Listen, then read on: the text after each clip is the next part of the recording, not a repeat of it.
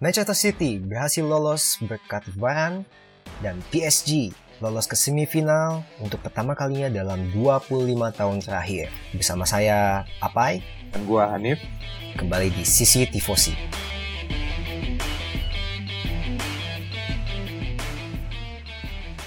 What a week of football, Nif. Ah, Yo. Empat pertandingan yang yang cukup menarik, cukup uh, seru, penuh intensitas, semua tim bermain dengan semangat yang tinggi ya kecuali Real Madrid mungkin ya. Tapi ya we'll talk we'll leave that for later. Oke okay, uh, how do you how do you enjoy the weekend? The last weekend. Ya yeah, to be honest I think it's not that bad. Ya lu sendiri denger kan gue waktu itu bilang gue nggak terlalu excited buat Champions League kali ya ya. Satu leg mm-hmm. dan udah bulan Agustus dan lain-lain lah. tapi ternyata pas gue ikutin pertandingan-pertandingan ya ternyata tidak seburuk yang gue kira gitu loh. Bahkan gue masih bisa merasakan intensitasnya. Jadi at the end of the day I really enjoyed it. Gitu loh Pak. Ya gue juga enjoy sih uh, melihat beberapa tim main cukup ngotot ya terutama para underdog gitu. Uh, seperti Lyon gitu. Ya akhirnya bisa bisa bisa mengalahkan uh, Juventus gitu. Ya surprisingly. Tapi we'll leave that for later. Gue pengen bahas uh, City Madrid. Kemarin lu squad berapa ya? Lu, lu bilang. Kemarin prediksi gue tuh satu sama dan City lolos. Gue gue prediksi gue dua dua dua satu gitu untuk uh, City ya we're, we're not that off anyway. We kita kita menebak bahwa City akan lolos gitu. Cuma ya skornya mungkin agak off sedikit ya gitu. But it's okay. Yeah. Ya. uh, ya kita bukan kita bukan pemain profesional dulunya. Kita bukan pandit profesional. Jadi tolong maklumi lah ya buat semuanya yang mendengar. Sebenarnya sebenarnya nggak ada yang bisa tahu juga sih pak. Ya juga sih. Uh, betul. Well uh, yeah it's it's I think it's a bad day for uh, Rafael Varane kehilangan yeah. kapten, kehilangan tandem terbaik gitu dan harus uh, bertandem dengan Edgar Militao yang sebenarnya nggak nggak nggak buruk-buruk banget gitu tapi ia bukan jenderal lini belakang yang diharapkan gitu dari dari satu tim Madrid gitu. Uh, he made two awful errors that uh, led to City's goal um, he's a world world class defender, a world champion gitu. It must be hard for him, right? Ya, jadi menurut gua this is the kind of game that could either make or break your career. Mm, yeah. Jadi apalagi apabila lu sebagai seorang defender atau keeper. Kadang tuh mau sebagus apa pun lu, ada satu pertandingan aja di mana itu pertandingan yang penting dan lu bermain buruk. Itu bisa jadi diingat oleh fans atau siapa pun termasuk diri lu sampai akhir karir lu sendiri gitu loh. Jadi ini adalah salah satu contoh malam tersebut di mana Rafael Varane yang kita tahu dia adalah eh, ya pemenang Piala Dunia dan kita tahu bertahun-tahun dia juga udah menang Champions League sama Madrid dan lain-lain. Dia bisa di satu pertandingan ini aja bermain sangat buruk dan itu dampaknya sangat fatal gitu. Tapi tapi efeknya lu setuju nggak bahwa ya dia kehilangan tandem gitu, kehilangan tandem yang uh, dia bisa he can rely on gitu untuk untuk mungkin backup Varan yang yang yang mungkin sering agak maju ini cukup cukup cukup efek ya menurut gua gitu untuk untuk tidak untuk uh, ketidakhadirannya Sergio Ramos di tim gitu. Ya kalau menurut gue sih uh, gue setuju lebih karena ke apa ya absennya seorang pemimpin di lini belakang Madrid karena menurut gue Rafael Varane bukan tipikal leader. Dia bagus secara teknikal tapi bukan seorang yang vokal gitu. Dan itu uh, peran tersebut tuh diisi sama Ramos di pertandingan-pertandingan Madrid biasanya. Kemarin Ramos nggak ada, dan kita bisa lihat uh, kalau kemarin sih gue lebih ke ini ya kurangnya fokus dan kepercayaan diri di, di Paran gitu. Bukan cuma Paran kalau menurut gue, satu tim tuh kayak nggak punya percaya diri gitu. Lu, ya, ya lu, mereka nggak bisa Iya, maksudnya kelihatan gitu uh, bagaimana mereka build up attack itu buruk sekali gitu dulu kalau perhatiin babak pertama bola tuh selalu mengarah kepada Hazard. Trio lini tengah pun Modric, Cruz, eh, Modric, Cruz dan uh, Casemiro pun nggak bisa ngapa-ngapain gitu untuk build up attack. Jadi bola tuh selalu Hazard, lagi Hazard, lagi Hazard, lagi gitu dan they they hope that he can make something out of nothing gitu. But ya kita bisa lihat dia nggak efektif gitu. Kalau ada jokesnya di di di sosial media tuh banyak banget yang bilang bahwa mereka tuh pasang apa ya semacam uh, sign di mana mereka mencari seorang se, uh, seseorang gitu. Ya missing missing missing person. Dan fotonya Hazard gitu. He was seen uh, training before the match but he was gone like uh, during the match gitu. Jadi cukup lucu ya orang-orang orang-orang cukup kreatif untuk bikin kayak gitu. Dan memang benar dia nggak nggak nggak ada menurut gua kontribusinya apa gitu selama kemarin match gitu do you think ya menurut gua juga menurut gue juga gitu pak karena dari dari berbagai aspek yang bisa kita nilai dari suatu pertandingan ya. Sebenarnya Real Madrid itu hampir di semua aspek tuh gimana ya? Inferior dibanding City. Karena contohnya tadi lu mention soal build up. Madrid sendiri dari segi passing tuh jauh di belakang Manchester City. Dan kita juga nggak tahu apakah passing-passing tersebut adalah passing yang sideways atau passing ke depan yang bisa menimbulkan chance yang berbahaya gitu jadi di sini City bisa bikin sekitar 600 passing, tapi Real Madrid cuma bisa bikin sekitar 490 passing. Jadi bisa kita lihat di sini apa ya?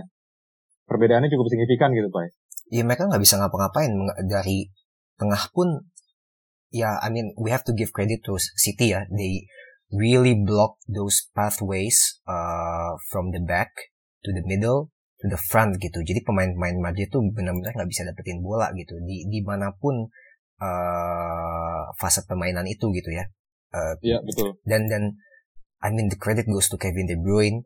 Oh gila sih, dia dia punya fisik untuk bolak-balik depan belakang depan belakang depan belakang dan lu kalau perhatiin perhatiin pertandingannya bagaimana dia komando pemain-pemain belakang untuk tetap stay untuk tetap uh, mark their own players gitu. Dan ya udah biarin gua nih yang yang nge-sweep bola-bola tengah biarin gua nih yang cover pemain-pemain ini. Beberapa kali dia nempel banget sama Hazard gitu.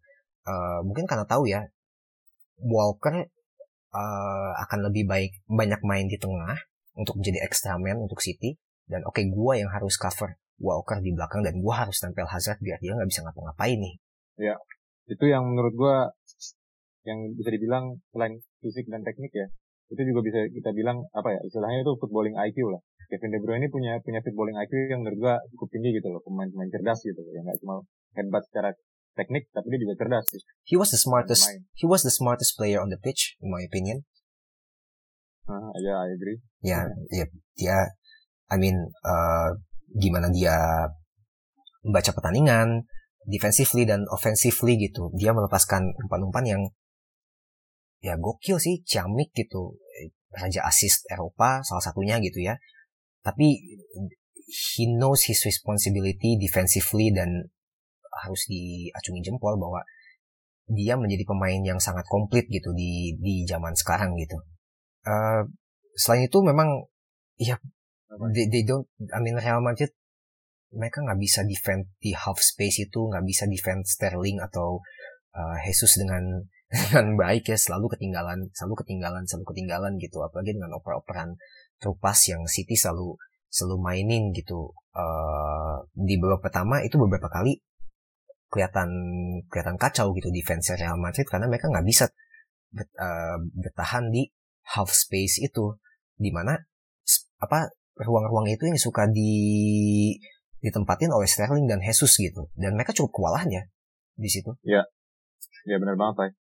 Dan dan gue juga sebenarnya mau highlight satu hal minggu lalu kan kita sama-sama uh, bahas soal tidak adanya Aguero ya mm-hmm. pertandingan kali ini. Mm. Dan gue gue gue ingat banget karena menurut gue pemain terpenting, terpenting di Manchester City itu adalah Kevin De Bruyne bukan yeah, yeah. Sergio Aguero. Walaupun kita sama-sama tahu Sergio Aguero itu adalah striker top Eropa juga gitu selama satu satu dekade terakhir gitu. Mm.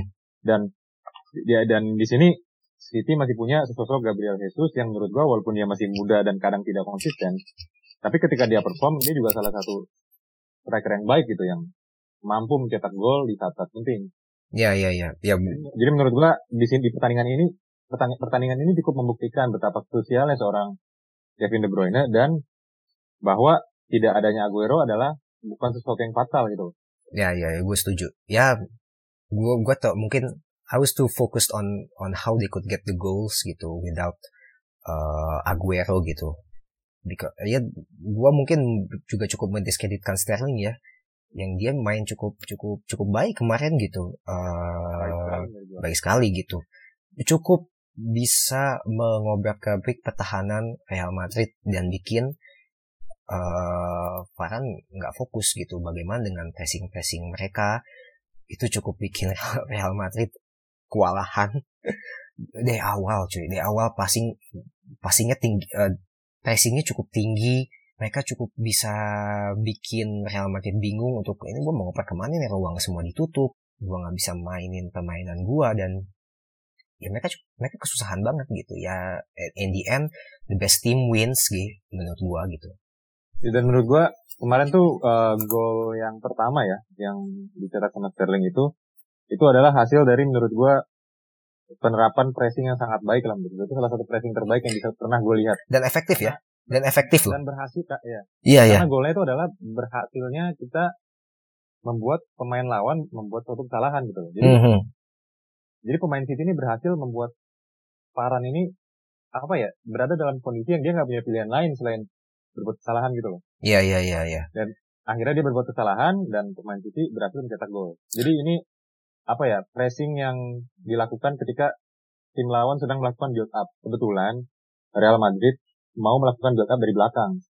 Dan untuk tim hmm. yang punya kapasitas untuk passing seperti City, dengan stamina dan speed dan technical ability yang mereka punya, menurut gua build up dari belakang ini kalau misalnya nggak punya plan yang clear bisa jadi sesuatu yang fatal dan itu benar-benar terjadi gitu di gol pertama terutama. Ya ya ya ya. Uh, tapi would it be a, a different game if Sergio Ramos had played, but City played exactly the same? Yeah, I mean if we're talking about ifs, there can always be a lot of outcome. Jadi menurut gua kita nggak tahu ya sebenarnya Sergio Ramos ini akan berdampak seperti apa ketika dia hadir. Tapi menurut gua kehadiran dia itu sangat penting di tim Madrid gitu. Karena menurut gua mau bagaimanapun juga leadership itu sesuatu yang vital. Mm-hmm. Terutama di pertandingan-pertandingan krusial seperti ini gitu. Ya ya ya. Ya gue setuju sih. Yang he was trying to motivate his teammates gitu on the sideline. Mungkin dia pengen motivate kayak dulu Ronaldo di final Euro ya lawan Prancis gitu pengen turun ke bawah pengen uh, teriak-teriak dan segala macam. Tapi mungkin because of social distancing reasons he couldn't do it gitu. Tapi gue pengen pengen pengen komen sedikit sih dengan uh, lu pasti lihat gitu outfit dia rapi uh, apa rompi dasi rapi lah gitu he looks like he looks like a bartender uh, nothing wrong with that gitu kalau menurut gue sih. Iya, ya, enggak, enggak lucu aja menurut gue gila nih orang rapi banget dan ya, kayak bartender gitu. Ada juga yang komen bahwa he looks like an evil twin of Gareth Southgate karena kita tahu uh, Southgate kalau kalau timnas Inggris main uh, dia di di lapangan tuh pakai baju yang rapi ya. Mungkin mungkin uh, apa ya SOP-nya timnas Inggris tuh harus seperti itu. Uh, Oke okay, lu mesti pakai baju ini, staffnya mesti pakai baju ini dan segala macam gitu uh, untuk untuk menunjukkan uh, apa ya mungkin kredibilitas atau apa pun itu tapi he looks like an evil twin of of Gareth Southgate gitu. Oh people say itu. Tapi waktu gue baca ya benar juga ya dia ya dengan muka dia ya sedikit antagonis dan berpakaian seperti Southgate ya he could be Southgate's evil twin. well, there was, ya, ya anyway menurut gua mau dia pakai jersey Real Madrid mau dia pakai baju rapi dia masih antagonis. dia dia dia dia akan akan membawa super perbedaan gitu loh menurut gua. Ya ya ya it was it's true though. But let's move on to the next match. Juve dan Lyon. Okay. ya ini ini pertandingan yang cukup mengejutkan gitu di mana ya kita kita berdua memprediksi Juve akan lolos, bukan Lyon ya. Iya, iya. Dan ya kita berdua salah. Ternyata the underdog the underdog goes through gitu in this uh, in this match. Uh, dan akhirnya berujung kepada pemecatan Maurizio Sarri. But Iya, wah ya bener banget sih. Ya. sebenarnya ini salah satu dari tiga potensial underdog teams yang kita bahas waktu itu kan, Pai? Ya, betul tuh. Hmm dan dan dan ya at least salah satu dari mereka berhasil lolos gitu eh, berarti dua di sini ya karena ada RB Leipzig juga kan yang yang at least ya at least masih ada potensial ada cerita-cerita underdog yang bisa muncul karena cerita-cerita underdog itu ya I mean who doesn't love an underdog story gitu kan. I love an underdog story anyways. Ya, Exactly. I mean siapa siapa sih yang nggak mau lihat tim kecil dengan pemain mediocre bisa ya seenggaknya minimal lolos ke semifinal Champions League gitu. Atau ya atau bisa mengim- mengimbangi tim-tim gede gitu. Ya mean ya siapa yang nggak suka itu. Tapi highlight gue is it unfair for Maurizio Sarri? It's his first season in Juve. Dia nggak punya banyak waktu untuk nge-rebuild timnya. Dia punya pemain bintang iya. Tapi untuk mungkin eh apa ya memperkenalkan filosofi bermain dia, memperkenalkan taktik-taktik dia bermain gitu dan segala macamnya satu musim tuh cukup pendek gitu menurut gua untuk uh, manajer sekali berapapun gitu. Is it unfair for him? Yeah. Personally, I think it's not fair. Yeah, because I believe in giving managers time. I mean, regardless of who he or she is. Yeah. And I don't really believe in instant results. Hmm. Dan menurut gua, gimana ya? Terlalu singkat lah waktu yang diberikan untuk Sari. Ya, uh, karena karena ada Iya, sorry sorry. Dan ya, ya, ya, dan juga di luar dari pandangan gua, Hmm. gue juga mengerti gimana realita sepak bola zaman sekarang ya, di mana Hmm. banyak klub-klub, terutama klub-klub besar dengan investment yang tinggi, mereka pengen dapat silang instan gitu loh. Mhm. Apalagi klub-klub seperti Juve di kompetisi yang mereka udah lama nggak menang gitu. Jadi mungkin sebenarnya juara liga atau juara yang lain itu bukan jadi suatu target utama mereka. Target utama mereka adalah Champions League udah jelas gitu. Iya iya iya. Sari gagal mendapatkan itu. Jadi mungkin pertimbangannya di sini ya kita bisa ganti manajer yang lain dengan waktu yang relatif cepat. Tapi kita nggak punya waktu banyak untuk suatu manajer membangun, membangun tim ini gitu loh. Jadi ya udahlah pecat aja gitu. Mungkin pertimbangannya seperti itu. Jadi ya gue bisa pahami kenapa mereka akhirnya memecat Sari. Ya karena menurut gue Juventus mereka nggak tertarik untuk merebuild ya. Menurut gue gitu. Iya. Eh, itu ya juga yang yang sebenarnya di dilontarkan oleh eh, beberapa figur sepak bola gitu loh bahwa di Juventus itu nggak nggak nggak interested untuk nge-rebuild tim gitu makanya Sari langsung langsung dipecat gitu saat saat dia nggak bisa meraih apa pun di Champions Champions League gitu. Karena ya kalau mau dibilang memalukan memalukan gitu untuk Juventus kalah dari Lyon gitu ya. Mungkin beda cerita kalau mereka kalahnya oke lah dari dari siapa? Let's say City atau dari Barcelona atau Real Madrid gitu. Itu akan beda cerita gitu. Tapi dari Lyon itu cukup memalukan. Tapi sebenarnya Pak, Hmm. kalau kita lihat di atas kertas ya di pertandingan yang kemarin, Juventus tuh nggak kalah dari Lyon. Karena beda cerita sama City Madrid ya. Juventusnya justru dominan di atas kertas dibanding Lyon gitu loh. ya dari ya segi posisi, iya betul shots on target, Hmm. termasuk passing ya. Passingnya terutama di sini yang gua highlight tuh beda jauh banget. Uh, Juventus bisa bikin 520 passing, sementara Lyon cuma bikin 326 passing dan itu menurut gua relatif jauh lah bisa kita lihat Juventus di sini sangat dominan gitu Hmm. dari segala aspek. Dan ya terlepas dari penalti atau tidak, uh, kemarin gol Lyon tuh dari penalti. Iya. Cuma itu gol yang sangat penting karena itu adalah gol away. iya ya sebenarnya memang ya bisa bisa kita bilang Dewi Fortuna juga berpihak pada underdog kita ini gitu loh.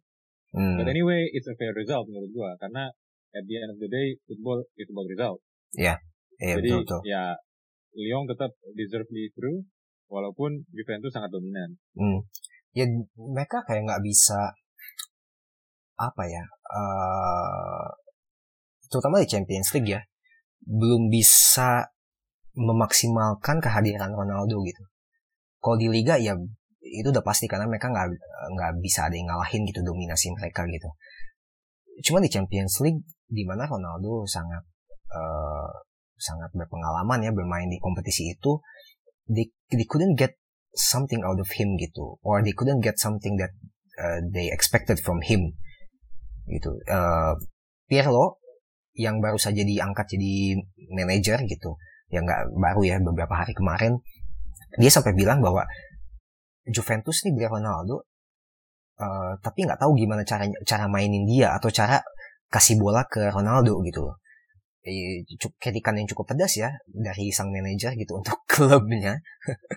Gitu. Dan dan tapi itu benar gitu. I mean dia nggak bisa seefektif eh, dulu saat dia di Real Madrid gitu terutama di di di kompetisi Champions League menurut gue bukan karena umur dia karena physically he's a he's a he's a beast he's a robot gitu Eh, mungkin efek eh, taktik atau teammate-nya menurut lu gimana?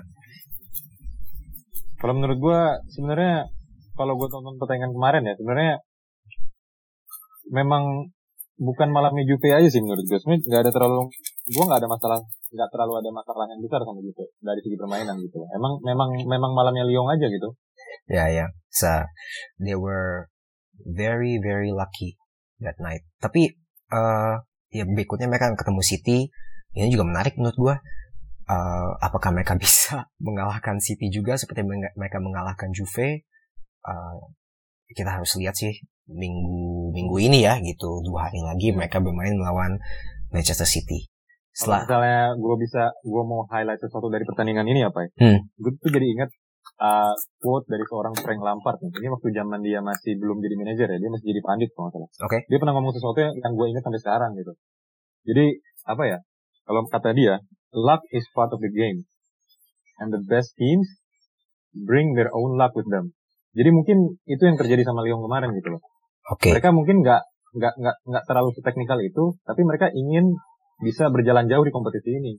Dan dari situlah mungkin semesta mendukung dan luck bersama mereka gitu ya mental Kalau bilang ini luck ya. Ya betul. Eh, selain luck, menurut gue mentalitas underdog sih. Mereka nothing to lose sebenarnya nih. Betul banget. While while Juve has a lot, has everything to lose gitu. Itu jadi beban tersendiri buat Juve. Eh tapi bukan beban yang terlalu berat untuk untuk Lyon gitu. Mes- Meskipun mereka bisa unggul di eh, di Prancis ya. Ya, it was their night. It was their night, but uh, they played really good football, and I want to see them beat City, but I know it's hard. Uh, gua sih pengen mereka lolos karena ini knockout game ya. Cukup satu kosong lah, cukup satu kosong. Gue pengen mereka lolos satu kosong aja. Siapa, siapa Lyon yang lolos? Eh, Lyon dong, gitu. Oke. Oh jadi ini ya ceritanya ini prediksi lu nih Pai. Yoi. Wah gua melihat apa yang terjadi kemarin jadi agak bingung nih mau bikin prediksi kayak gimana. Karena ya Champions League is full of surprises man. Ya ya. Ya, uh, me I'm I'm uh, I'm side I'm, I'm siding with the surprise uh, element. Oke, uh, dan I'm not. Jadi gua menurut gua City bakal lolos. karena gimana ya gua gua mau berusaha secara matematis aja lah City menurut gua bakal lebih Ya, dominan ya. dia bakal menang sekitar ya menurut gua 2-1 lah Dua satu. Always always a goal for the for the contenders ya. ya because of their fighting spirit man Ya ya ya ya. Their fighting spirits. Oke, habis itu kita uh, lanjut ke Barca Napoli. Ini agak sedih ya buat gua. Ya meskipun mereka lolos, tapi di di di episode sebelumnya gue bilang bahwa mereka gue nggak mau mereka lolos gitu dengan keadaan seperti sekarang. Dan tim yang mereka akan lawan itu Bayern Munchen di mana mereka sangat sangat sangat sangat superior sekarang gitu. Mau di kompetisi lokal ataupun di kompetisi Eropa gitu. Dan yang ngeri-ngeri sedap sih kalau eh, tahu mereka akan lawan Munchen gitu. Menurut gua sih ya gua overall setuju sama yang lu bilang ya mungkin tuh eh, Bayern mungkin sekarang lagi at the top of their game lah tapi ya seperti yang tadi gue bilang selama Barcelona pengen banget menang kompetisi ini dan tidak membiarkan satu detik pun mereka ceroboh. Dan menurut gua selalu ada kemungkinan mereka bisa menang lawan siapa pun gitu. Mhm. Dan kemarin so far gue lihat gue belum melihat tanda-tanda Barca akan melakukan apa yang mereka lakukan dua tahun terakhir ya.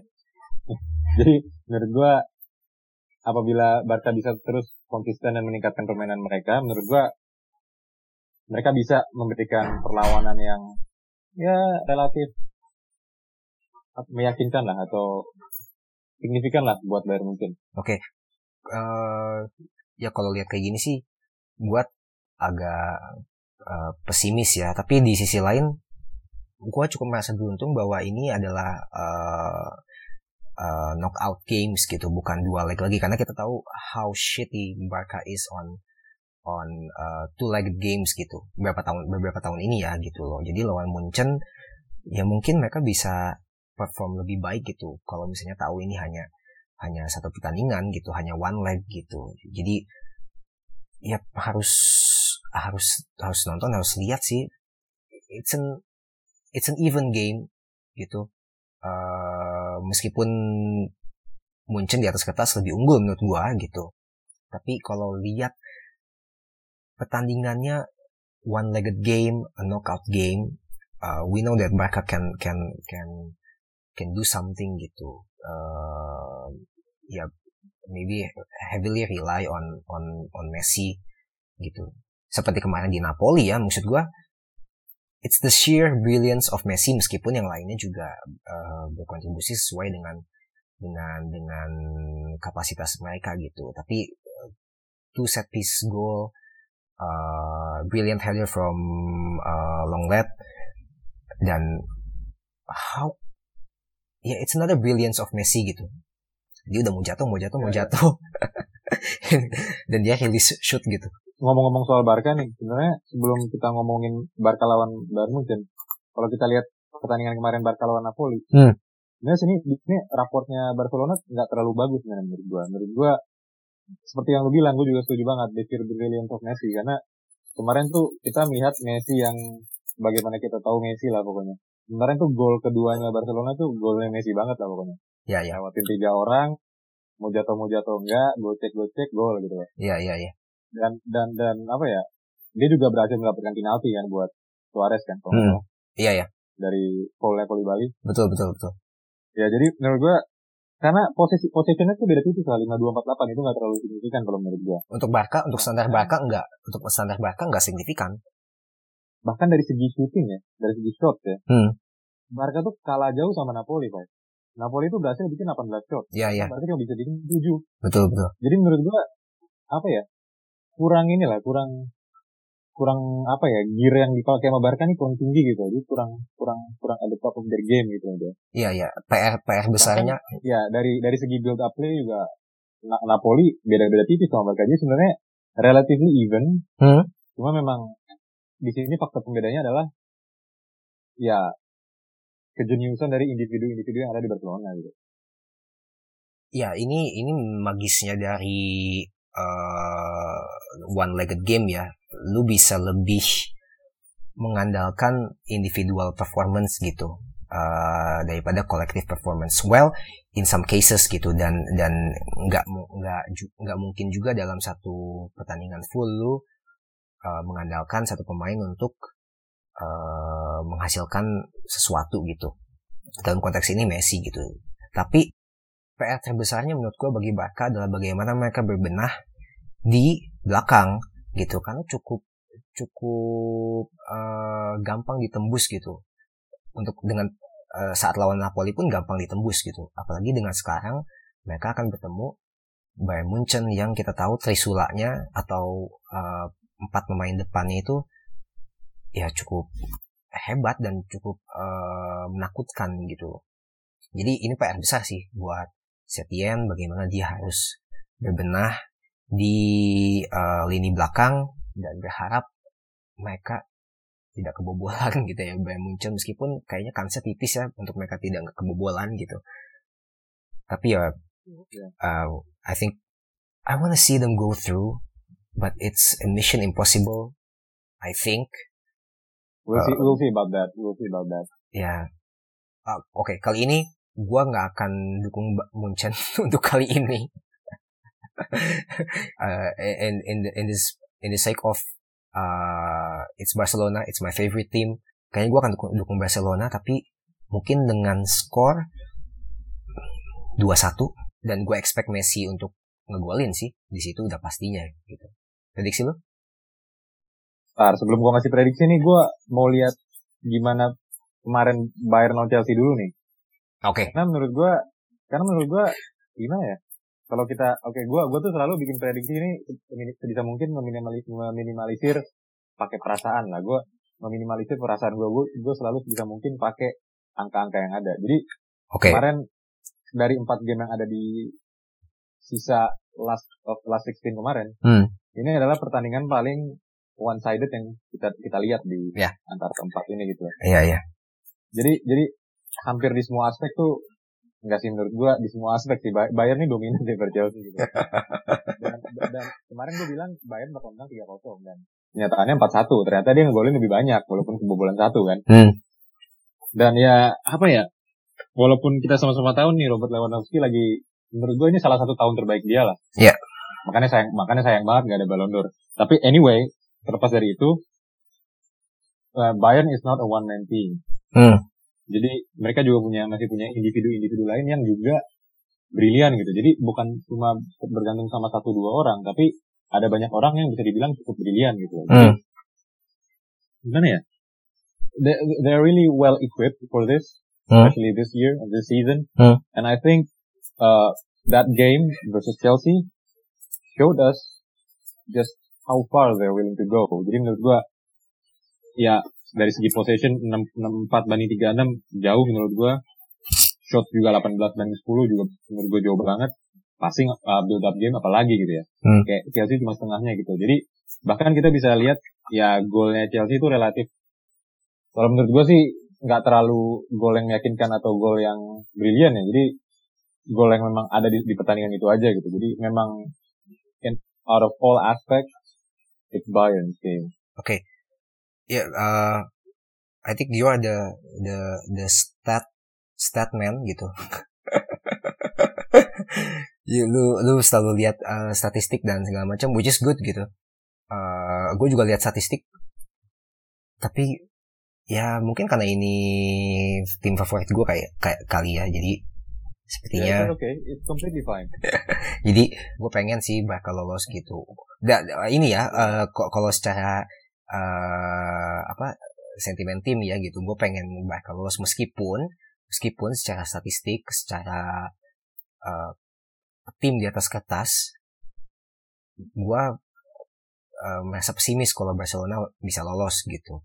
Cuma eh, kalau untuk secara sentimen kayaknya gue akan akan akan pilih Barca gitu dengan skor tipis lah 2-1 gue nggak muluk-muluk minta tiga satu apa tiga kosong karena gue tahu Munchen pasti ngegolin gitu Ah, we know how fragile uh, Barcelona's defense is ya jadi 2-1 cukup skor yang cukup bisa menjadi eh, patokan lah buat gue itu Gak apa-apa. Gue ngerti, 2-1. gue ngerti banget kok sebagai fan. Anyway, who doesn't love an underdog story gitu kan? iya iya Oh, case Barcelona is an underdog. iya iya in this context Barcelona is iya betul betul betul Bisa gitu ya, Pak. Minggu lalu lu pengen Barcelona gak lolos, tapi sekarang lu pengennya lolos gitu ya. Mungkin babak berikutnya lu pengen dia gak lolos kali ya, Pak ya. kepalang aja lah gua menurut gua kepalang aja karena karena gi- Gitu ya. karena gini menurut gua eh di di babak berikutnya kalau mereka berhasil melawan Munchen yang mereka akan lawan adalah PSG atau eh, antara Leipzig dan Atletico Madrid gitu. Oke, kita tahu Iya. Eh, PSG kemarin lawan eh, Atalanta yang akan kita bahas nanti mereka belum kelihatan meyakinkan gitu. Oke, mungkin level level performanya sedang sama kayak Barcelona, apalagi mereka Sorry, bukan bukannya ketemu City Lyon dulu ya? Apa gue salah? Iya betul City Lyon. Right. Oh iya City Lyon ya. Gua justru ketemu ketemu at- PSG atau RB Leipzig Atletico tuh di final gak sih? Iya iya iya iya betul betul betul betul. betul. Oke oke. Eh, Oke, menurut gua mereka akan ketemu City Lyon ini menjadi tes terakhir sebelum mereka ketemu di final gitu. Menurut gua ya, menurut gua ini karena eh kalau misalnya City yang lolos ke semifinal dan mereka lolos juga ya the, the big challenge is against City gitu. Kalau mereka lolos ke final ketemu antara Leipzig, Atletico atau PSG, ya it, it's an even it's it's a more of an even game gitu menurut gua. Jadi ya ini dua pertandingan berikutnya akan akan akan sulit bagi Barcelona menurut gua gitu. Tapi kalau tidak bisa sampai final, gua yakin sih bisa bisa bisa juara gitu. Kalau if they sort their shits out, I think they can I think they can they can win the trophy gitu this season. I who knows. The Tapi one the one game the one game that matters ya. the one game that betul, betul. That's the only game that matters gitu menurut gue. Jadi this prediksi gue 2-1 sih untuk untuk Barcelona. Kalau lu? Dan juga, oh ya satu hal lagi Pak, sebelum ngasih prediksi gue, Barca lawan Bayern nih sama-sama lima sama nih Piala Champions-nya. Jadi menarik juga nih. Mereka sama-sama mengejar nomor 6. Iya, ya. a record a record for for their own clubs though, but yeah, we have to see. Prediksi lu nih? Prediksi gue, uh, ya gue ini Oh, Oke, okay. prediksi pertama prediksi gue Bayern menang. Cuma kalau skor gue agak susah nih. Gue bakal bilang 3-2 sih, Pak. Untuk Munchen ya? 3-2 untuk Munchen dan ya Messi bakal berkontribusi lah di dua gol itu pokoknya gimana pun caranya. Ya mungkin kayak ya gue berharap sih nggak kayak Varane ya berkontribusi untuk untuk untuk Madrid eh untuk sorry untuk uh, Munchen gitu. Jadi ya we have to see dan harus mungkin mungkin nanti mungkin nanti yang yang yang mengambil peran Varane mungkin Pique, Pak. Gimana menurut I expect it from him actually. Gue gak heran sih kalau dia. Gue gak heran kalau dia. Gue gak heran kalau Pique yang akhirnya membuat kesalahan. Gue gak heran. We have to see. And the next game would be Atalanta versus PSG yang kita baru tonton tadi subuh sih kalau di gua. Ya kemarin subuh ya. Kemarin kalau di gua ya kemarin lah gue. Iya ya, tadi gua tadi subuh. Uh, and, ah. and by the way, by the way, as we speak, as we speak nih, paling sekitar sejam dari kita ngomong Iya, iya betul. RB RB Leipzig akan ketemu dengan Atletico Madrid. Jadi buat para pendengar nih jangan uh, ya jadi jangan kaget juga bahwa saat di podcast episode kali ini kita belum bisa ngomongin hasil dari RB Leipzig dengan Atletico, ya nggak Pak? Iya betul. Karena take-nya malam ya gitu. abis ini abis ini juga nonton, abis ini juga nonton. Abis ini kita nonton ya. Abis ini nonton gitu. Ngomong Sambung banget sih Pak, kita bikin podcast sebelum jam sebelumnya gitu, tapi nggak apa-apa lah. Nggak apa-apa. Ya. Namanya juga time zone gitu. Ya, namanya juga time zone. Agak susah ya. Iya. Tapi anyway, uh, eh, gue kembali lagi ke Atalanta PSG. Uh, performa yang yang menurut gue tidak meyakinkan dari dari uh, eh, PSG ya. Di ya well di babak pertama sampai mungkin menit-menit 60 70 uh, di mana Mbappe masuk gitu. Attack attacking wise mereka nggak nggak nggak convincing enough. Uh, Neymar itu susah banget buat buat dapat ruang uh, atau dia juga tidak bisa diberikan ruang banyak gitu oleh pemain-pemain lainnya. Uh, ya mereka cukup cukup cukup underperformance underperforming sih di awal gitu menurut lu gimana menurut gue sih uh, oke okay, pertama selama 24 jam terakhir gue banyak lihat lah di media sosial tuh banyak orang memuja-muja seorang Choupo-Moting gitu ya. okay lah, he, he, can have, he can have his moment. Mm-hmm. Tapi if we look more objectively from the game, I believe that the game changer is Mbappe. Iya, iya, gue setuju. Especially when he came on. Iya, iya. During the mid second half. Iya, iya. He he literally changed the game. He reinvigorated the spirit of the PSG team, mm-hmm. Neymar. Iya, iya. Jadi menurut gue, karena kita sama-sama tahu sampai momen itu adalah satu kosong dan mm. untuk Atalanta ya, mm. gol dari Pasalik di menit 26 mm. dan Mbappe masuk dengan segala peran dia dan entah kenapa juga waktu Mbappe masuk permainan Neymar juga meningkat gitu loh. Dia juga semakin lively dengan adanya Mbappe. Jadi sama-sama dynamic duo mereka tuh muncul gitu. Hmm. Dan apa ya, uh, akhirnya ya good luckily for them at the end of the game di menit 90 dan 90 plus 3. Jadi under 5 minutes nih mereka berhasil membuat dua gol gitu. Jadi makanya menurut gua di sini Mbappe yang berperan sangat penting kalau menurut gua. Iya iya iya, gue juga setuju. Uh, bagaimana dia masuk dan uh, pergerakan dia tuh sangat-sangat uh, sporadik gitu yang dia buka ruang dia dribble sana sini akhirnya pemain-pemain uh, lain juga seperti ya betul kata lu gitu they were uh, reinvig reinvigorate uh, rein apalah itu kata-katanya. Pakai bahasa Sunda juga apa-apa. Ya mereka mereka menjadi menjadi lebih menjadi lebih semangat gitu bermain tahu Mbappe uh, masuk dan uh, bisa bisa apa ya bisa mengobrol-ngobrol pertahanan Atalanta. Yang sebenarnya nggak solid-solid amat dari babak pertama gitu loh. Cuma makanya kenapa gue bilang underperforming underperformance uh, Trisulanya PSG tuh nggak bisa ngapa-ngapain gitu Sahabia di babak pertama nggak bisa ngapa-ngapain Icardi pun terkesan seperti males ngejar bola atau terkesan males gitu untuk lari ke space-space yang sebenarnya kebuka gitu loh oleh oleh uh, lini belakang Atalanta gitu. Yeah, uh, yeah, that was that was a below par yeah. performance from Icardi, I, I believe. Yeah. Apa ya?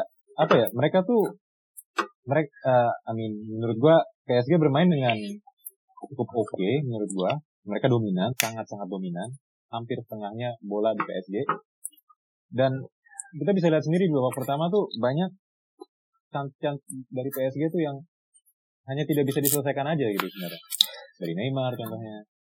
Ya tapi kalau mau dibandingin kalau mau dibandingin apa ya namanya uh, attackingnya dari PSG dan Atalanta, gue lebih meyakinkan lebih uh, lebih meyakinkan lihat uh, Atalanta gitu. Mereka cukup cukup bisa mengancam uh, lini belakang PSG gitu di babak pertama. Apalagi ya Gomez tuh brilian banget menurut gua. Dia ada di mana-mana jemput bola uh, crossing gitu. Dan back kanan itu siapa sih? Gue lupa tuh.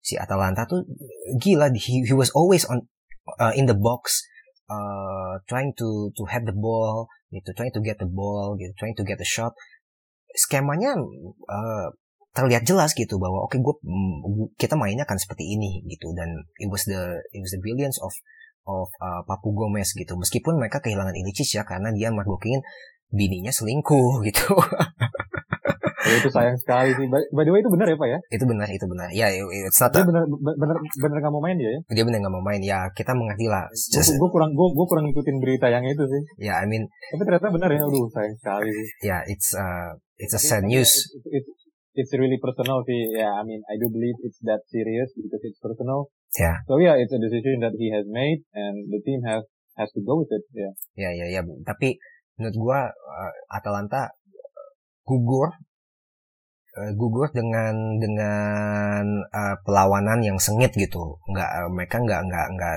cuma diem gitu. Nggak nggak nggak cuma oke okay, menerima ya. uh, apa keadaan bahwa oke okay, secara di atas kertas kita kalah gitu. It's it's amazing fighting uh, fighting spirit from from Atalanta gitu. Gua gua gue suka sih lihat mereka main musim ini. Ya meskipun gua nggak nggak sering lihat ya tapi attacking wise mereka cukup uh, rapi, terorganisir gitu. Banyak uh, fluidity antara pemain tengah dan pemain depan mereka gitu. Bagian mereka tukar posisi, bagaimana Gomez bisa ada di mana aja jemput bola dan lepasin uh, umpan-umpan ke box gitu. Jadi nyesel gue, nyesel gue sumpah nggak nonton mereka uh, musim ini nggak sering nonton mereka musim ini tuh gue nyesel juga gitu karena kita nggak tahu apa musim depan depan mereka bisa uh, apa kembali dengan performa seperti sekarang gitu ya kita nggak tahu gitu. by the way by the way uh, domestic wise they've been really consistent ya, ya. mereka peringkat ketiga di Serie A hmm, hmm. mereka bakal balik balik lagi di group stage Champions League musim depan jadi it's not a question of qualifying for the next Champions League or not like the other teams like hmm. Lyon for example they're gonna be in there next season it's just that they've been at the they've been they've arrived at the quarter final and they want to go as far as possible and they almost did that. They they showed fighting spirit. It's just that those unlucky moments in the dying minutes that they conceded two goals and they yeah they lost. Yeah. Jadi menurut gua memang balik lagi di sini kebetulan PSG berhasil bikin dua gol menit terakhir dan Atlanta gugur bukan karena Atalanta jelek atau PSG kurang bagus atau gimana? Karena memang ya yeah, that's the game gitu loh. It, this is the game gitu loh. Ya yeah, ya. Yeah. gue uh, gue pengen sih mereka bounce back gitu. Eh, mereka udah punya modal modal kuat gitu. Bukan secara secara pemain ya. Tapi menurut gue it's it's the belief that they need gitu. That they can they can achieve uh, greater things gitu. Uh, aside from their domestic league gitu Ya. Yeah. mereka butuh kepercayaan itu, mereka butuh uh, apa ya mentalitas uh, title contender lah istilahnya begitu ya untuk untuk di Serie A dan bagi menarik bagaimana mereka akan membawa itu ke Champions League musim depan gitu. Tentu mereka harus berbenah secara pemain, tapi ya lihat mereka achieve something gitu. Karena menurut gue sebuah achievement ya buat buat Atalanta gitu musim ini sampai ke fase uh, apa delapan besar Champions League itu uh, sebuah achievement menurut gua. Dan pastinya akan akan menarik perhatian beberapa pemain yang mungkin kualitasnya uh, lebih dari pemain-pemain yang mereka miliki sekarang. Hanya mereka mau datang ke Atalanta bermain buat mereka dan mendongkrak performa tim Atalanta tersebut gitu. Jadi PR-nya itu sih buat buat uh, Gasperini and I mean we we wish them the best for uh, next season in Serie A and in Champions League because they will be a very very interesting team next season if they could bring in uh, some new players and uh, performing consistently gitu. Oke, okay. uh, itu untuk Atalanta dan PSG yang subuh ini main RB Leipzig melawan Atletico Madrid sedikit aja karena mungkin mereka kan main di uh, 40 menit lagi. Kansnya menurut lo bagaimana untuk kedua tim? Oke, okay, nah ya, yeah, I mean, sorry, I just want want to make a closing statement on Atalanta. So I think Atalanta is one of the emerging teams in Europe. Hmm. Because they, they they're not just I mean I was mistaken I thought they're they're they're, they're purely underdog but they're not actually. Jadi dari sekitar 4 5 musim terakhir mereka mereka tuh udah finish di empat besar tuh tiga kali lah at least. Oh, Oke. Okay. Mereka tuh secara domestik di, di liga domestik tuh mereka konsisten sekali gitu kalau menurut gua. Iya iya iya. Bahkan yang di, di Serie A yang biasa kita cuma ngomongin Juve, Inter, Milan, hmm. atau Roma dan Napoli, atau dan juga Lazio. Jadi hmm. Atalanta ini emerging team uh, uh, one of the emerging teams in Europe lah jadi menurut gue. Jadi menurut gua kita bakal melihat mereka di masa yang akan datang juga gitu. Bukan tim yang emang kebetulan musim ini ada di Champions League sampai quarter final gitu. Jadi I, uh, I think they have a reason to remain positive, to remain optimistic, mm. because they've got what it takes to perform consistently at a high level. Ya yeah, ya ya, gue setuju sih. Ya ya, and in the end, for me all the best to Atalanta. I wish them all the best in their near future. Ya. Yeah. Okay, that's it. Untuk RB Leipzig dan Atletico Madrid, bagaimana menurut lo? Kans kedua tim. Oke, okay, oke, okay, siap-siap. Jadi, uh, oke, okay, kedua, uh, pertama, pertama nih gue mau bahas RB Leipzig dulu sebagai salah satu representasi dari Jerman ya. Ya. Jadi, uh, eh, RB Leipzig bisa kita bilang underdog. Hmm. Karena ini adalah pertama kalinya mereka berlaga di knockout stage. Oke. Okay. Kalau nggak salah RB Leipzig ini baru dibentuk tahun 2009, if I'm not mistaken ya. Iya, iya. Iya betul betul 2009, betul betul. Ya klub-klub dengan nama Red Bull ini masih sangat muda lah dan dan terlepas dari kontroversi mereka dan bagaimana cara mereka naik ke atas dan betapa klub ini cukup tidak populer lah di negaranya sendiri. Tapi ya yeah, I can say that from what I've seen here gitu loh. Ya ya we ya. Yeah. We cannot we, we cannot deny that they've been performing some interesting football. Iya, gue setuju. Hmm. Ya, jadi uh, gue inget banget zaman mereka masih di manage sama Ralph Hasenhutel, hmm. yang mana sekarang adalah manajer Southampton kalau nggak salah ya. Betul betul. Dan uh, dari situ tuh mereka udah main dengan tipikal high octane football gitu loh. Jadi dengan tempo yang tinggi.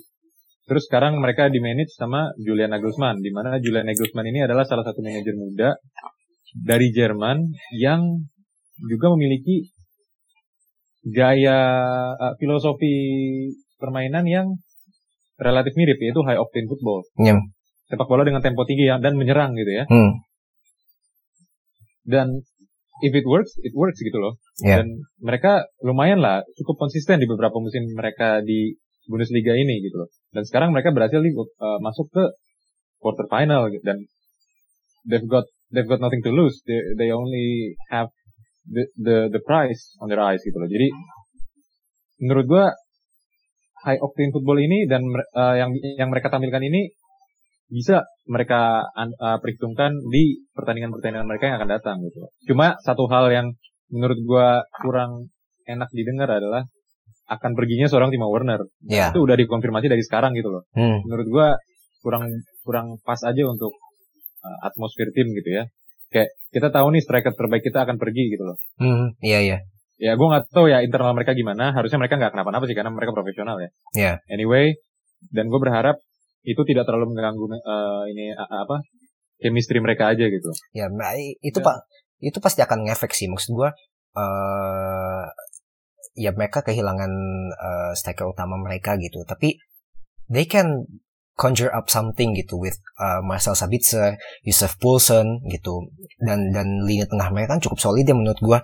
Uh, dan uh, bagaimana mereka bisa uh, kita ngomongin tentang lini tengah tim-tim Jerman nih justru nyawanya di sini gitu nyawanya di lini, di lini tengah. Bagaimana mereka hardworking mereka bisa uh, apa mem, mem, memainkan sepak bola yang yang yang betul kata lo high octane football itu sebenarnya dari nggak hanya dari lini belakang atau lini tengah tapi eh, lini depan. Tapi lini, lini tengahnya justru menjadi lini yang paling penting untuk uh, serangan dan juga untuk uh, defense mereka gitu loh. Betul betul. Mungkin tema Warner akan akan akan menjadi uh, hal yang uh, apa ya yang yang bikin mereka cukup sulit untuk menggedor back lawan tapi mereka bisa lah uh, untuk mem untuk memperlihatkan permainan yang yang bagus atau bisa juga untuk untuk menang menurut gua gitu lawan Atletico gitu. Oh ya tentu bisa mereka bisa menang. And but on the other hand, we're talking about Atletico Madrid. we know who they are. I think everyone knows who they are they are the most defensively solid team I think in Europe. Iya, iya, iya, iya, this. Yeah, yeah, yeah. They are very solid in that. That's their identity. Dan kita kita sama-sama tahu lah reputasi Diego Simeone itu seperti apa. Ya, ya. Dan gue juga personally tahu banget karena Atletico Madrid adalah tim yang mengalahkan Liverpool. Oke. Okay. di Anfield. ya, ya. Credit where credit is due. Yeah. They won, and they're here now. So all the best for them. I think ini adalah pertemuan antara tim sangat menyerang dengan tim sangat bertahan gitu. Sama sebenarnya seperti Liverpool juga. Cuma hmm. di sini sekarang Atletico ketemu lagi sama RB Leipzig gitu. Iya, iya. Mungkin kalau misalnya apa ya, Atletico bisa melihat sesuatu yang mirip dari RB Leipzig dan Liverpool dengan gaya menyerang mereka, big pressing dan counter counter football atau whatever you wanna call it. Mungkin kalau mereka bisa menerapkan skema uh, strategi bermain yang tidak terlalu beda jauh saat mereka melawan Liverpool, menurut gue Atletico Madrid sangat bisa merepotkan RB Leipzig gitu, atau mungkin mengalahkan mereka juga gitu. Jadi menurut gue this is a very exciting prospect for them, hmm. and I'm really looking forward to the game. Oh, gue mungkin kenapa gue kalau gue gue sih dukung Leipzig ya untuk untuk lolos karena gue lihat Atletico uh, cukup inkonsisten musim ini gitu. Gapnya mereka posisi tiga di di La Liga. Gapnya antara dia dan Barcelona uh, cukup jauh poinnya. Kalau nggak salah belasan poin 12 poin atau berapa gitu gue lupa. Uh, attacking wise they've been very underwhelming gitu. But defensive defensively they are very solid gitu. Uh, betul kalau nggak yeah. betul. Lu bilang mereka uh, one of the best they have one of the best uh, defense gitu. Uh, this this season gitu tapi attacking wise. Don't forget they have the best goalkeeper in Europe. Iya, iya, iya. Oh iya, Jan Oblak is is is it's is there on the on the uh, top list of goalkeepers uh, nowadays gitu. Exactly. Gitu. Exactly. Tapi uh, lu apakah bisa lihat mereka bermain lebih menyerang atau sit back and wait for that counter gitu. Lu lihatnya gimana permainan ini? Karena Leipzig menurut gue udah pasti nggak akan sit back gitu. Ya, yeah, ya. Yeah.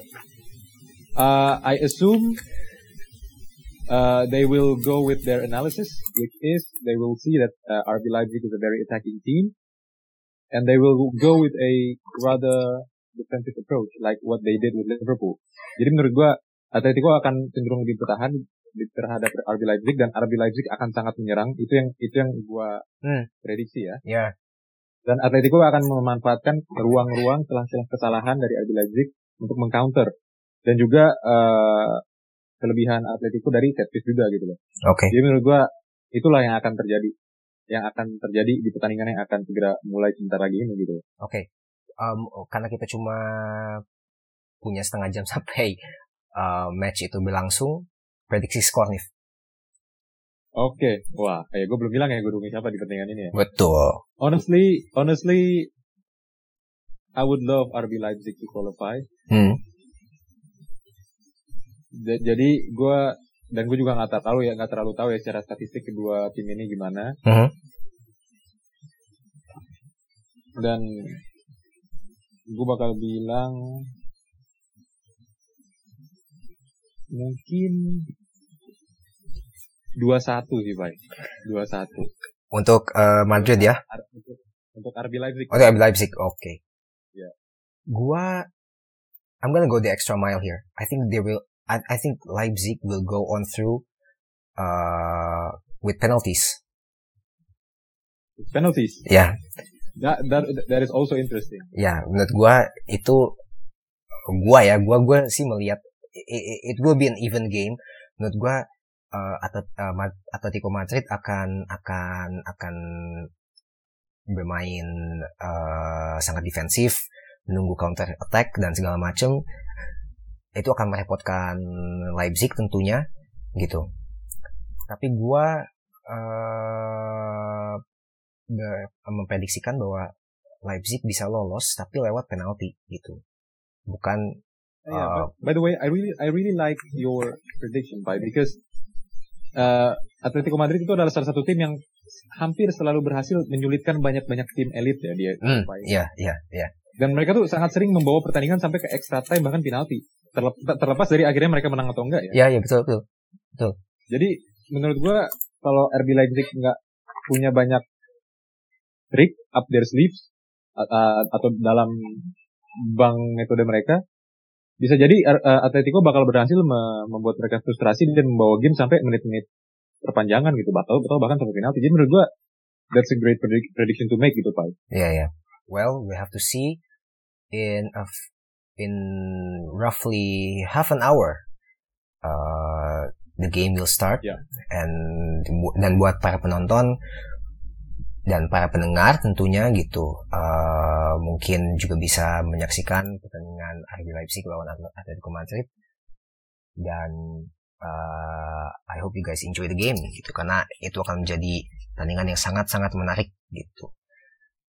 Dan terakhir, pertandingan kalau gue minggu subuh, berarti di lu Sabtu malam ya.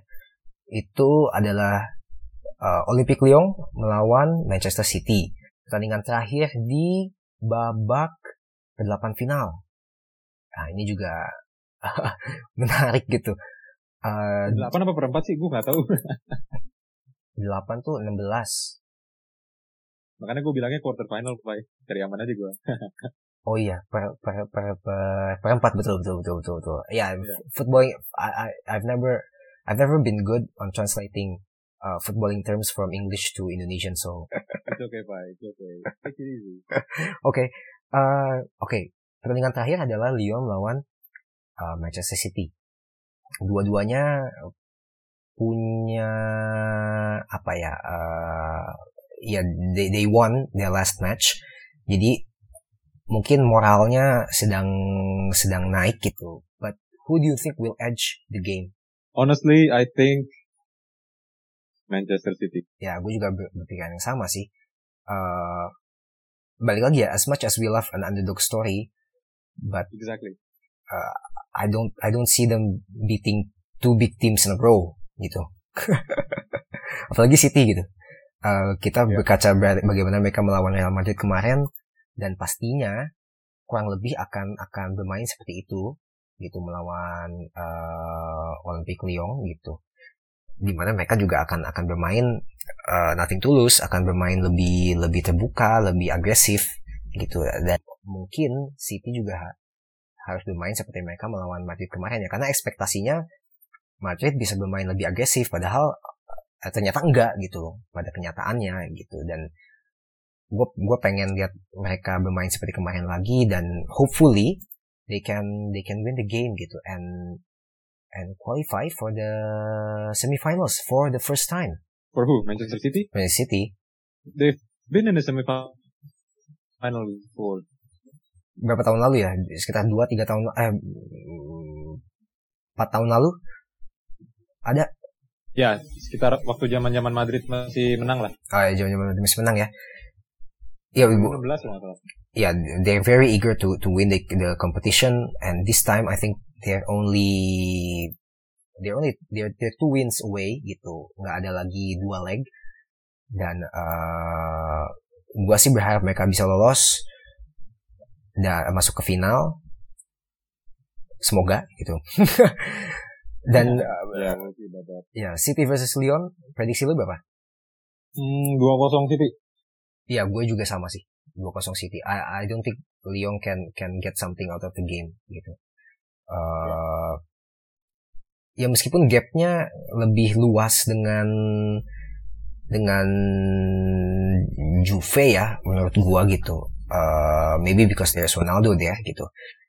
Tapi secara permainan uh, City jauh jauh jauh jauh lebih unggul daripada daripada Juve kemarin gitu. Dan jadi ini akan merepotkan Lyon gitu untuk untuk bisa memenangkan pertandingan. Gue juga setuju sama lu sih 2-0 mungkin ya. Uh, dan gue pengen lihat De Bruyne main kayak kemarin sih. Gue pengen banget lihat De Bruyne main kayak kemarin. Yoi. Yeah, I really I really like his the way he plays football. Yeah. I'm really looking forward to it as well. Yeah. Okay. So that's all the prediction for uh, the next Champions League games dan uh, kita akan tunggu hasilnya sampai akhir minggu ini dan uh, tentunya kita akan bahas di episode berikutnya Nif ya. Oke, okay, bener banget Pak, jelas lah. Oke. Okay. Jadi I think that's it from us. It's been an interesting, interesting weekend, interesting matches, everything, and we hope we can watch some more interesting games in a couple of days. Gue berharap prediksi-prediksi kita benar. Dan jangan lupa challenge kita yang nantinya akan dibuka di episode yang tentang Champions League Final. Gue berharap sih dulu sampai sekarang belum ada yang benar ya. Gitu. we'll see about that, Pai. okay. Then I think that's it. Uh, thank you, Nif, for sharing your thoughts. My pleasure, bye. Okay. And thank you for listening for uh, our listeners. Terima kasih banyak. And we'll see you uh, next week. Gua Apai. Ya, gua Hanif. And thank you.